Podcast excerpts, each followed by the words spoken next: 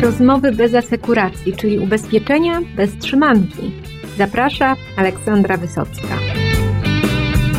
Ubezpieczenie mieszkania to jeden z najczęściej kupowanych przez Polaków produktów ubezpieczeniowych dobrowolnych. Co zrobić, żeby ta polisa rzeczywiście spełniała oczekiwania i w razie próby, w razie szkody służyła pomocą i niezbędnymi środkami? Jak dobrze ubezpieczyć mieszkanie? O tym opowiada ekspertka z Wienera, Agnieszka Włodarska-Poloczek. Zapraszam. Moi drodzy, porozmawiam dzisiaj o ubezpieczeniach mieszkań, bo za nami już, już sporo o ubezpieczeniach domów, no ale bardzo wielu Polaków mieszka no, razem z innymi, generując nowe ryzyka również. Więc chciałabym Ciebie, Agnieszko, zapytać, na co należy uważać, jakich błędów warto unikać, ubezpieczając mieszkanie? Jakich błędów unikać? No przede wszystkim ja bym powiedziała w ten sposób, że największym błędem jest jakby podejście oszczędnościowe do ubezpieczenia na zasadzie takiej, żeby zapłacić jak najmniej składki, bo nie o to chodzi do końca, dlatego że składka versus wartość mieszkania, no to są zupełnie nieproporcjonalnie różne wartości. Jak mówi mój znajomy likwidator, jak ubezpieczyć mieszkanie i na jakie sumy, to mówi no, na tyle, jakbyś mogła stracić wszystko, wszystko, mówiąc tutaj o murach tego mieszkania, mówiąc o jego wyposażeniu, o wszystkich nakładach inwestycyjnych, które są tymi stałymi elementami mieszkania. Więc ja bym przede wszystkim powiedziała, że pierwszym punktem wyjścia do oceny tego, jak ubezpieczyć mieszkanie, no to trzeba tak naprawdę popatrzeć na to, co w tym domu mamy i za ile i ile nas może kosztować kwestia odtworzenia tego, co mamy w domu. No i rozumiem, że tutaj lepiej być pesymistą niż optymistą. Ja myślę, że tak, oczywiście większość szkód, które w domach się zdarzają, w mieszkaniach się zdarzają, no to przeważnie są to szkody drobne. No ale musimy też pamiętać o tym, że raz na jakiś czas może się zdarzyć szkoda całkowita związana e, z dużym pożarem, z wybuchem, i z tym podobnymi dużymi zdarzeniami, czy z powodzią. I to są rzeczy, które tak naprawdę odbiorą nam, to są zdarzenia, które odbiorą nam cały dorobek życia. W ogólnych warunkach pojawiają się takie magiczne hasła, które nie zawsze dla klientów są zrozumiałe, mianowicie wartość rynkowa i wartość odtworzeniowa. Czym to się dokładnie, Agnieszko, od siebie różni? Czym się różni, dlaczego są czasem stosowane zamiennie? Wartość odtworzeniowa jest to wartość, którą przeważnie stosujemy do określania sumy ubezpieczenia w budynkach mieszkalnych albo w mieniu, które możemy ubezpieczyć i odtworzyć tak naprawdę sami. Wartość rynkową przeważnie i tylko zazwyczaj tam stosujemy w przypadku ubezpieczenia murów, murów w cudzysłowie, murów mieszkań. No dlaczego?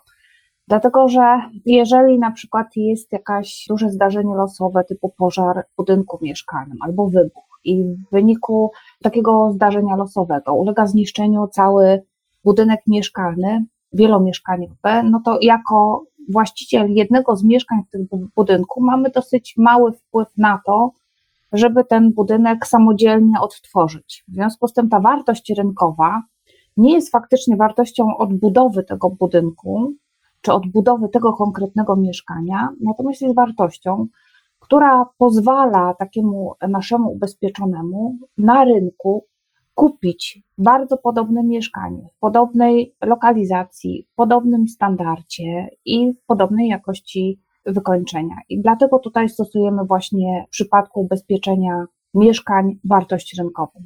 Często szukając oszczędności na polisie no, przechodzimy do rubryki ruchomości domowe. No i e, też e, o wielu szkodach słyszałam, gdzie te oszczędności się okazały bardzo potem smutne w skutkach, bo się okazało, że, że zupełnie no, na remont może jeszcze powiedzmy trochę starczyło, ale poszkodowany zostaje tak naprawdę bez podstawowych przedmiotów potrzebnych do życia. Co byś zasugerowała, w jaki sposób podejść do ubezpieczenia właśnie ruchomości? No tak, bo generalnie troszeczkę widzimy też taką tendencję, że myśląc o ruchomościach domowych, klient patrzy przede wszystkim na drogie sprzęty, na elektronikę, którą posiada, natomiast już najczęściej nie bierze pod uwagę innych rzeczy, które w tym domu są, a pamiętajmy, że ruchomością domową to są meble, to są ubrania, to jest e, wszelkiego rodzaju, nie wiem, firanki na oknach, to, są, to jest pościel i inne rzeczy, które tak naprawdę w tym mieszkaniu są. Czyli tak naprawdę, jeżeli tylko popatrzymy częściowo na rzeczy, które są najbardziej wartościowe, no to potem może okazać się, że suma ubezpieczenia, którą posiadamy, nie wystarczy na to, żeby odtworzyć to mienie w całości. W związku z tym musimy wziąć pod uwagę, że oprócz tego, że mamy w domu biżuterię, że mamy elektronikę, że mamy cenne sprzęty AGD, no to musimy również mieć w sumie ubezpieczenia uwzględnione inne rzeczy codziennego użytku. No a niektórzy z nas e, mają też takie bardziej niezwykłe przedmioty, nie wiem, zajmują się jakieś hobby, czy związane ze sportem, czy z jakąś właśnie terrorystyką na przykład, czy akwarystyką. I powiedz mi, czy te różne przedziwne przedmioty, często wcale nie tanie, e, również mogą być na przykład w Wienerze objęte ochroną i w jaki sposób? Powiem więcej, możemy mieć na przykład dzieła sztuki, prawda, które również mogą podlegać ochronie. Możemy mieć instrumenty muzyczne, które też mają dosyć wysoką wartość i mogą podlegać ochronie. Sprzęt sportowy jak najbardziej również jest objęty ochroną. Różnego rodzaju, tak jak powiedziałaś, akwaria, terraria i tym podobne rzeczy również traktujemy jako e, rzeczywiście ruchomości domowe. Więc jak najbardziej tak. W przypadku niektórych rzeczy, takich, o których wspomniałam, typu dzieła sztuki, czy też jakieś zbiory kolekcjonerskie, mogą to być zbiory kolekcjonerskie, nie wiem, załóżmy jakiś książek typu Białe Kruki, y, które rzadko są spotykane na rynku, my je traktujemy już trochę jako odrębną kategorię mienia. W tym momencie dzieła sztuki, antyki, zbiory kolekcjonerskie, a nawet broń, bo już w tej chwili coraz częściej się zdarza, że nasi klienci mają jednak broń, na którą mają pozwolenie, traktujemy jako mienie specjalne i ubezpieczamy w odrębnej grupie. Przeważnie w takich sytuacjach również wymagamy informacji o tym, co to jest, jaką posiada jednostkową wartość i jaki jest sposób wyceny tego konkretnego przedmiotu, dlatego że to przeważnie nie są standardowe rzeczy na rynku i nie jesteśmy w stanie tego y, określić wartości tego przedmiotu, porównując go z innym takim samym. Często tak się po prostu nie zdarza. No chociażby w przypadku dzieł sztuki, obrazów, no to są rzeczy, które muszą mieć w jakiś sposób udokumentowaną wartość już na etapie zawarcia umowy ubezpieczenia. W budynkach mieszkalnych no kiedyś praktycznie zawsze, teraz coraz częściej e, również są takie schowki, komórki lokatorskie, jakieś piwniczki. I powiedz mi, czy byś rekomendowała, żeby te swoje cenne różne zasoby tam umieszczać? Czy można wtedy spać spokojnie, że ubezpieczyciel w razie czego szkody pokryje? Jak to wygląda w Wienerze? Yy, tak, takie ubezpieczenie takich pomieszczeń przynależnych. Przy czym tutaj chciałam zaznaczyć, że praktycznie wszyscy ubezpieczyciele na rynku ubezpieczają mienie naszego ubezpieczonego przechowywane w piwnicy, w pomieszczeniu przynależnym, w schowku, ale tylko takim, który jest w wyłącznej dyspozycji naszego klienta. Czyli nie mówimy tutaj ani o wózkowniach, o strychach, o takich pomieszczeniach, które są ogólnie dostępne, tak? Mówimy o takim schowku, który jest wyłącznie na użytek tylko konkretnego ubezpieczonego. I tam rzeczywiście możemy również ubezpieczyć e, mienie standardowo, które należy do tej grupy ruchomości domowych.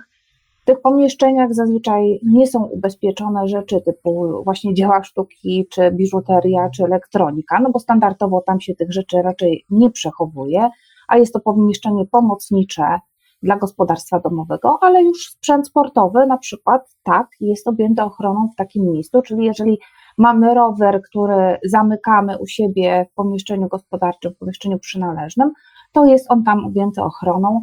W warunkach ogólnych zazwyczaj jest ustanowiony limit dla tych e, rzeczy, który tak naprawdę stanowi górną granicę odpowiedzialności za mienie, które jest w tych pomieszczeniach przechowywany.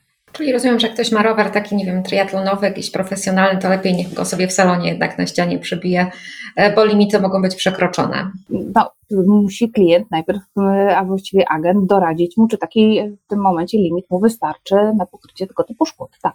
A to jest jakiś procentowy limit, czy kwotowy? Jak to ustalacie? Przeważnie są to procentowe limity od sumy ubezpieczenia.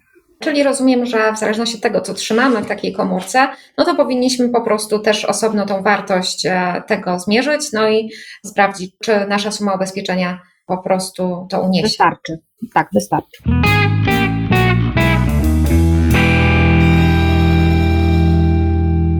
Coraz częściej, właściwie już praktycznie zawsze klient może skorzystać z dodatkowej opcji odpowiedzialności cywilnej w życiu prywatnym, jak kupuje ubezpieczenie mieszkania. Czy powinien się na to decydować? To jest trochę może pytanie retoryczne, bo już tutaj jako rynek ubezpieczeniowy to mówimy o tym bardzo często, ale ja jeszcze raz zapytam, czy rzeczywiście e, warto to zrobić, a jeżeli tak, to w jaki sposób zrobić to dobrze, żeby, żeby ten dodatek do ubezpieczenia rzeczywiście był pomocny? Tak, ubezpieczenie OC, tak jak rzeczywiście usiłujemy namawiać naszych klientów na to, żeby ta ochrona nie dotyczyła tylko i wyłącznie ubezpieczenia mienia, sensu stricte własnego, natomiast również, żeby zabezpieczała jakby bezpieczeństwo własne, finansowe w przypadku szkód, oczywiście wyrządzonych nieumyślnie osobom trzecim, tak? I to są właśnie, to jest to ubezpieczenie OC, które w tej chwili tak naprawdę ma coraz szersze spektrum, bo to jest OC, które mm, tak naprawdę dotyczy różnych sfer życia prywatnego klientów. Czyli to jest nie tylko OC związane z mieszkaniem, chociaż z tym nam się najczęściej kojarzy, ale jest to ubezpieczenie OC związane z całym życiem prywatnym. Stąd tak naprawdę w tej chwili już w standardzie, jeśli chodzi o zakres działania tego ubezpieczenia, jest ubezpieczenie na terenie Europy. Można to ubezpieczenie rozszerzyć nawet na cały świat. Z pewnymi ograniczeniami, tutaj często są włączane szkody, które powstaną w USA albo w Kanadzie, bo tam jakby troszeczkę jest inne i orzecznictwo, i jakby wymogi dotyczące sumy ubezpieczenia i oczekiwanie w tym momencie z uwagi na roszczenia wobec, nasz, wobec klientów. Natomiast tak czy inaczej, to już jest nie tylko ta sfera właśnie tu związana z posiadaniem nieruchomości, ale zdecydowanie szersza, więc OC przyda się nie tylko w przypadku mieszkania w domu, ale na przykład również na wakacjach. OC możemy mieć również związane z uprawnianiem różnego rodzaju sportów rekreacyjnych, z posiadaniem dronów, które coraz częściej się pojawiają, których użytkownikami są coraz częściej nasi klienci, również z wycieczkami rowerowymi, na którym, podczas których może się zdarzyć tak, że no niestety ucierpi ktoś z osób trzecich, więc jak najbardziej OC jest pożądane. Co więcej, należy również pamiętać, że w ramach OC pojawia się coraz więcej rozszerzeń związanych z OC najemcy, czy też OC wynajmującego, czyli w tej relacji, o której mówimy, że na przykład jeżeli nas, nasz e, klient jest właścicielem mieszkania i wynajmuje je osobie trzeciej, to w tym momencie może zabezpieczyć również swój interes, albo sam najemca może sam się zabezpieczyć w relacji pomiędzy właścicielem mieszkania i użytkownikiem tego mieszkania, tak? Czyli tutaj mamy różne możliwości. Mamy OC wynajmującego, czyli właściciela mieszkania, gdzie jest odpowiedzialność w sytuacji, gdyby powstały szkody z winy właściciela w imieniu najemcy i odwrotną sytuację OC najemcy, czyli w sytuacji, kiedy z winy najemcy powstaną szkody w imieniu właściciela. Myślę, że to jest bardzo istotne, bo podobno boom na wynajem e, studencki powrócił i i w każdym razie tak jest w Warszawie, że, że bardzo wielu studentów właśnie teraz wynajmuje mieszkanie. No i rozumiem, w wypadku życia studenckiego tutaj szkody mogą mieć różnego rodzaju miejsce. A jak to jest u Was w Wienerze? Czy, czy te szkody z OC, które kupuje się przy okazji polisy mieszkaniowej, to są najczęściej te zalaniówki, czy coś tu się zmieniło? Ja myślę, że tak naprawdę najczęściej są zalaniówki. Tak, to prawda, że to jest chyba tak najbardziej popularny, bym powiedziała, rodzaj szkód, tak? Myślę, że tutaj w tej kwestii się nic nie zmieniło i tak jest. No, przy okazji zalaniówek tutaj myślę, że dosyć istotne jest jeszcze wrócenie jakby do pierwotnej kwestii, od której w ogóle zaczęliśmy naszą rozmowę, to znaczy do sum ubezpieczenia. Dlatego, że właściwie w tym przypadku są gwarancyjnych, z tego względu, że niestety tak jak nakłaniamy wszystkich do zawarcia umowy OC, to my również staramy się jakby prowadzić edukację związaną z określonym wyborem sumy gwarancyjnej, żeby to nie były jednak niskie sumy. Składki przy OC nie są wysokie, natomiast szkody, które mogą powstać z naszej winy, naprawdę mogą urastać do kilkuset tysięcy złotych. I ja może podam taki przykład, który jakby u nas w firmie się zdarzył, dla nas jest jakby typowym przykładem szkoleniowym, gdzie w przypadku zalania mieszkania, mieszkanie, mieszkanie po prostu, y, o ile dobrze pamiętam, poszedł wężyk przy pralce tego typu, natomiast powstało bardzo duże zalanie, które spowodowało zalanie lokalu użytkowego, który się pod nim znajdował. Na nieszczęście pod tym mieszkaniem znajdowała się apteka. W związku z tym, nie wiem, tutaj taka może dygresja, w przypadku uszkodzenia, nawet opakowania którym jest y, zamknięte dane lekarstwo, lek nadaje się wyłącznie do utylizacji. W związku z tym, że zalanie było spore i zniszczenia też y, niemałe, to szkoda była na kilkaset tysięcy, gdzie o ile dobrze pamiętam, suma ubezpieczenia, suma gwarancyjna OC tego klienta była wyłącznie ograniczona do 50 tysięcy złotych. Reszta roszczenia była skierowana bezpośrednio do niego. Także na tym przykładzie warto pamiętać o tym, że warto mieć wysoką sumę ubezpieczenia i na tym nie oszczędzać. Tych dodatków do, do polisy mieszkaniowej jest coraz więcej. Pojawiły się również opcje zdrowotne. Wy w Jenerze macie je szczególnie bogato rozwinięte. Skąd w ogóle taki pomysł i na co dokładnie klient może liczyć w obszarze swojego zdrowia i swoich najbliższych? No, rozwój tej sfery riderów ubezpieczeniowych jakby wiąże się i po pierwsze ze strategią naszej firmy, i po drugie z tym, że tak naprawdę ubezpieczenie mieszkaniowe troszeczkę się zmienia. To już nie tylko ubezpieczenie majątkowe, ale pakiet ubezpieczeń dla rodziny. W związku z tym, oprócz y, standardowego NNW, oferujemy naszym klientom również ubezpieczenie świadczeń po wypadku, różnego rodzaju wizyt lekarskich, wizyt rehabilitacyjnych, badań, diagnostyki związanych z tym, żeby klienta po wypadku jak najszybciej przywrócić do sprawności. No, wiemy, jakie są czasy oczekiwań na wizyty lekarskie, na rehabilitację w przypadku świadczeń NFZ. Tutaj jakby zarówno organizujemy, jak i płacimy za wizyty w ramach tego ubezpieczenia. Dodatkowo mamy ubezpieczenie eksperckiej opinii medycznej, to znaczy w sytuacji, kiedy trzeba by było zweryfikować diagnozę, czy też ją potwierdzić. Mogą to być pierwsze wyniki badań, które niepokoją klienta. Możemy taką e, informację przesłać za pośrednictwem naszych asysterów do najlepszych diagnostów na świecie w danej dziedzinie. Tutaj mówimy o różnego rodzaju przypadkach neurologicznych, onkologicznych i tym podobnych. I wraz te, my takie dokumenty mm, tłumaczymy, wysyłamy do odpowiedniej kliniki, która się specjalizuje w leczeniu danego rodzaju schorzenia. Wraca do nas taka opinia wraz jakby z zaleconym planem działań przez danego lekarza, który się pod tą opinią podpisuje. Kolejnym jeszcze ubezpieczeniem jest w tej chwili ubezpieczenie na wypadek ukąszenia przez kleszcza, w takiej sytuacji jesteśmy w stanie pokryć koszty diagnostyki, testów, a w sytuacji, kiedy zostanie wykryta borelioza, również koszty leczenia antybiotykami. I kolejna rzecz jeszcze, która doszła w naszym pakiecie, no to jest to, z czym chyba żeśmy się oswoili w tej chwili w okresie pandemii, to jest telemedycyna. Możemy zaoferować usługi telemedycyny dla domowników naszego ubezpieczonego, który w razie potrzeby może zadzwonić do lekarza rodzinnego, do pediatry i tam y, zasięgnąć pierwszej porady, włącznie z tym, że może uzyskać receptę czy też skierowanie na badania.